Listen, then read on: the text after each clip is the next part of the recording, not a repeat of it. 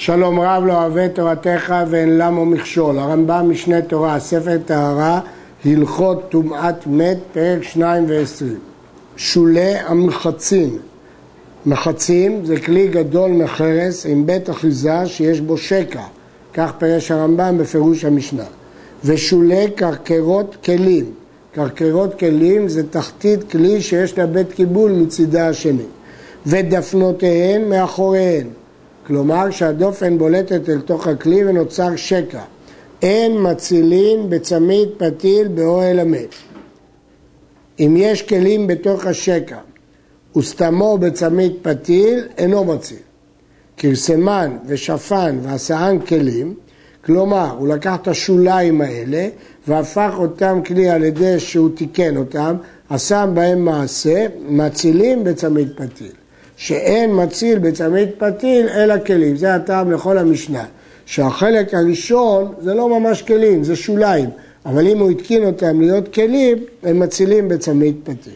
כלי חרס שנתן בו טיט עד חציו, לא ביטלו. למרות שחצי ממנו מלא בטיט, עדיין שם כלי עליו. ואם השקיע בו את הכלים, מציל. מדוע? כי הוא עדיין כלי, לא בטל ממנו שם כלי. יש אומרים שעד חציו זה דווקא, כך לשון התוספתא. אבל, וכך כותב רב חיים הלוי, אבל החזון איש בגיליונותיו כותב שאפילו אם מילא את כולו בתית, לא בטל.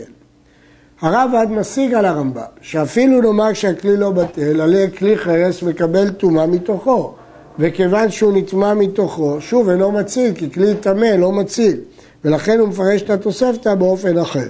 אבל הכס המשנה מסביר את הרמב"ם שהכלי חרס מוקף בצמיד פתיל ולכן הוא מציל. הלכה ג' כלי חרס מציל בצמיד פתיל עד שינקב במוציא רימון. כאשר יש בו חור בגודל שמוציא רימון, אין שימוש לכלי הזה. ואם אין שימוש בכלי, אין לו שם כלי. אם אין לו שם כלי, הוא לא מציל בצמיד פתיל. ובגדול, עד שיפחת רובו. כלומר, אם הוא גדול יותר ממוציא רימון, שיעורו עד שיפחת רובו. וכן כתב רש"י. אבל לא ברור מה נקרא קטן ומה נקרא גדול. אז כנראה שלפי רש"י והרמב"ם צריך שני תנאים כדי שלא יחשב כלי.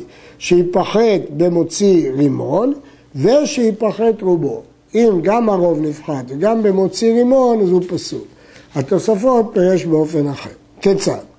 כלי גדול שנפחת רובו והקיפו צמית פתיל וסתם מקום הפחת בצמית פתיל, הרי זה מציל, אף על פי שאינו חשוב כלי לעניין טומאה.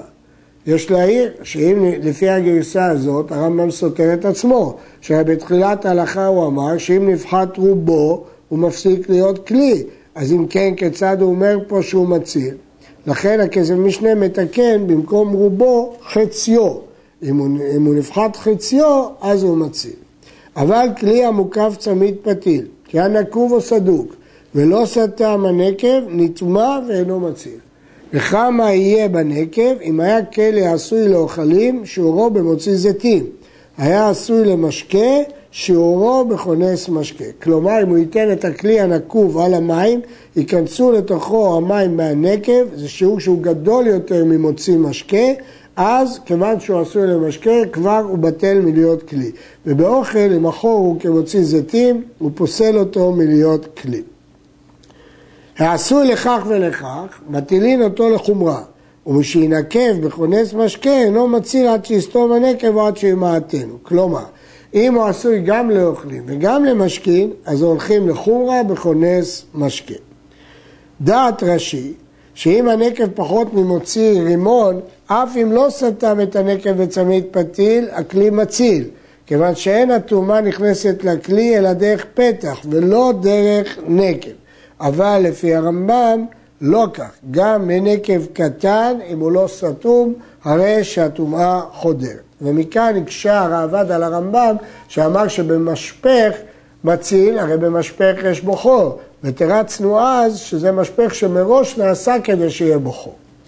תנור שהייתה שרידה, כיסוי של התנור, על פיו, ומוקף צמיד פתיל, ונתון באוהל המת, ונסדק התנור.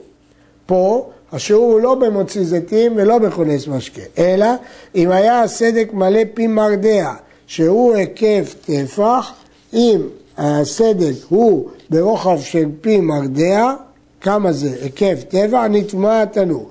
ואף על פי שאין המרדע יכול להיכנס בסדק, אלא רואה כמותו בשווה. פחות מכאן התנור טהור. לשון המשנה בכלים, נסדק מן התנור לשרידה. המפרשי המשנה פירשו שפה גם המרוח נסדק, לכן שיעורו כמלוא מרדע, בניגוד לתחילת הלכה ו' ששם התנור עצמו נקרא.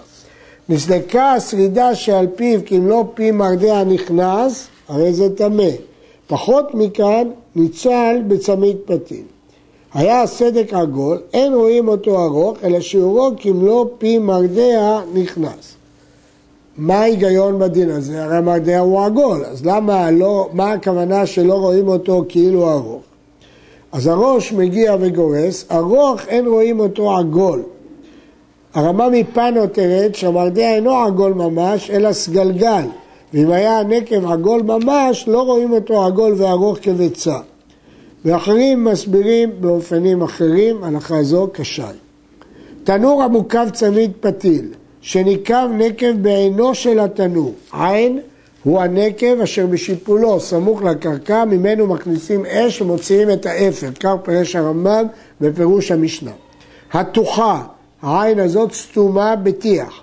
אם היה הנקב ולא כוש נכנס ויוצא כשהוא דולק, כלומר שאפשר להכניס ולהוציא מהנקב כוש, כוש מן מזלג, בוער, מבלי שיכבה, הרי זה נטמע. ואם היה הנקב פחות מזה, ניצל. מה ההיגיון של השיעור הזה?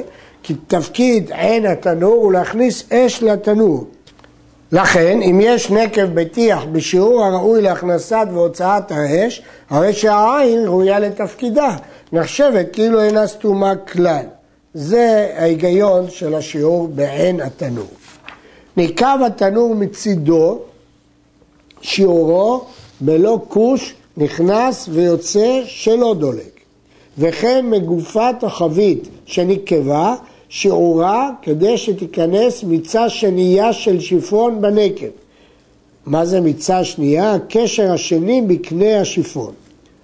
וחצבים גדולים שנקבו, שיעורם כדי שתיכנס מיצה שנייה של קנה, לא של שיפון. פחות מכאן טהורים, כלומר מצילים. מדברי הרמב"ם נראה שמדובר שהחצב עצמו ניקב, אבל שיעורו הוא לא כמוציא זית או כונס משקה, כי צורת הכלי מאפשרת אחסון גם כשהוא ניקב. ויש שפרשו שמדובר שהמגופה נקבע, וכן כתב החזון איש. במה דברים אמורים בזמן שנעשו ליין, אבל אם נעשו לשאר משכין, אפילו נקבו בכל, כלשהן, אפילו נקבו בכל שהוא, נטמעו. ואין הצמיד פתיל מועיל להם עד שיסתום הנקב. מה ההיגיון בזה? ביין לא נוח לאדם בנקב, כי הוא מוציא את ריח היין. אבל בשאר משקים שהאוויר יפה להם, נוח לו בנקב, ועל כן שיעורו בכלשהו. ואף בזמן שנעשו ליין לא אמרו, אלא שנקבו שלא בידי אדם. אבל אם נעשו בידי אדם, אפילו כלשהם טמאים ואינם ניצלים עד שיסתום הנקב. כי אם הוא עשה בכוונה נקב, זה נקב חשוב והוא פוסל. הלכה ז' חבית שהיא מלאה משקין טהורים ומניקית של החרס בתוכה. מניקית היא משאבה. נוקבים נקב בדופן החבית מכניסים באותו נקב קצה הכלי הזה, הוא מוצץ מפיו מהקצה השני, ואז נשאבים המים שבחבית. נחזור, ומניקית של חרס בתוכה, והחבית מוקפת צמית פתיל, ונתונה באוהל המת. החבית והמשכין טהורים, והמניקית מאה, מפני שקצתה אחת בתוך החבית המוקפת, והקצה השני פתוח לעולם מת ואינו סתום. אף על פי שהיא עקומה, אין העקום כסתום. כלומר, החבית מוקפת צמיד פתיל, לכן כל החבית טהורה, וגם המשקים שבהכרעה טהורים, אבל המניקית הזאת, הצינור הזה שבאמצעותו מוצצים או שואבים, הוא עקום, חלקו בתוך החבית וחלקו בחוץ, לכן הוא נטמע. הראב"ד מקשה על הרמב"ם שתי קושיות. א', היח המניקית מקבלת טומאה, לא אין לה בית קיבול. ב', אם היא טמאה, אז הטומאה נכנסה פנימה, אז מדוע חבית טהורה? אומר הכסף משנה שהסיבה שהמניקית מקבלת טומאה, כי יש לה בית קיבול. במקום שהיא עקומה מתעכבות שם טיפות יין. אה, או אולי אפשר להטותה על צידה והיא נחשבת בית קיבול. עכשיו, מדוע החבית עצמה טהורה? כיוון שכל, אפשר לומר, כיוון שהיא עקומה, ולכן זה עדיין סתום לגבי החבית, אבל לא סתום לגבי המניקית. ואולי אפשר לפרש שמה שאין החבית נטמאת אינו מחמת שהעיקום מציל, אלא מכיוון שכל מה שחבית הנקובה בכונס משקה לא מצילה הוא כבטל שם כלי. אבל כאן הנקב הזה לא מבטל שם כלי, היא לא כלי פתוח, כי זה לא פתח עשוי להכניס ולהוציא, אלא רק להוציא. סברה זו כתב מפרש הפרק הזה ישראל מאיר סבתו. הלכה ח' חבית המוקפת צמיד פתיל שנקבה מצידה וסתמו שמרים את הנקב, הציל, כיוון שסוף סוף הנקב סתום. זאת מחלוקת במשנה וכן הלכה. אגף חצי הנקב, סתם ביתית וסתם חציו, כלומר, השמרים סתמו חצי אחד והוא סתם ביתית חצי אחד, הרי זה ספק אם הציל או לא הציל. מדוע? כי הסתימה היא מדברים שונים, כך מפרש התוספות שץ. ואחרים מפרשים שייתכן שאם השמרים סותמים רק חצי מהנקב, הסתימה לא תעמוד. סתם את הנקב בזמורה, בענף, אז כדי שזה יציל צריך שזה יסתום, עד שימרח מן הצדדים. סתמו בשני קסמים, שתי זמורות, עד שימרח מן הצדדים ובין זמורה לחברתה, כי יש שם סדק, צריך למרח את הכל כדי שיקרא צמיד פתיל. וכן נסר, שהוא נתון על פי התנור ומרח מן הצדדים, הציל. היו שני נסרים, עד שימרח מן הצדדים ובין נסר לחברו. חיבר את שני הנסרים במסמרים של עץ וכיוצא בהם, או שליפף עליהם שוגמין, זה שעם, אינו צריך למרח מן האמצע. מדוע? כיוון שהם מחוברים הנסרים, אז אין סדק ביניהם, לא צריך באמצע. אם הוא חיבר במסמרים של מתכת, זה לא מועיל, כי המסמרים בעצמם מקבלים טומאה. כך הדיוק מלשון הרמב"ם שהזכיר דווקא המסמרים של עץ, וכך דייקו החתם סופר, החזון איש וערוך השולחן. במה מקיפים? מהם החומרים שסותמים? בסיד ובגבסים,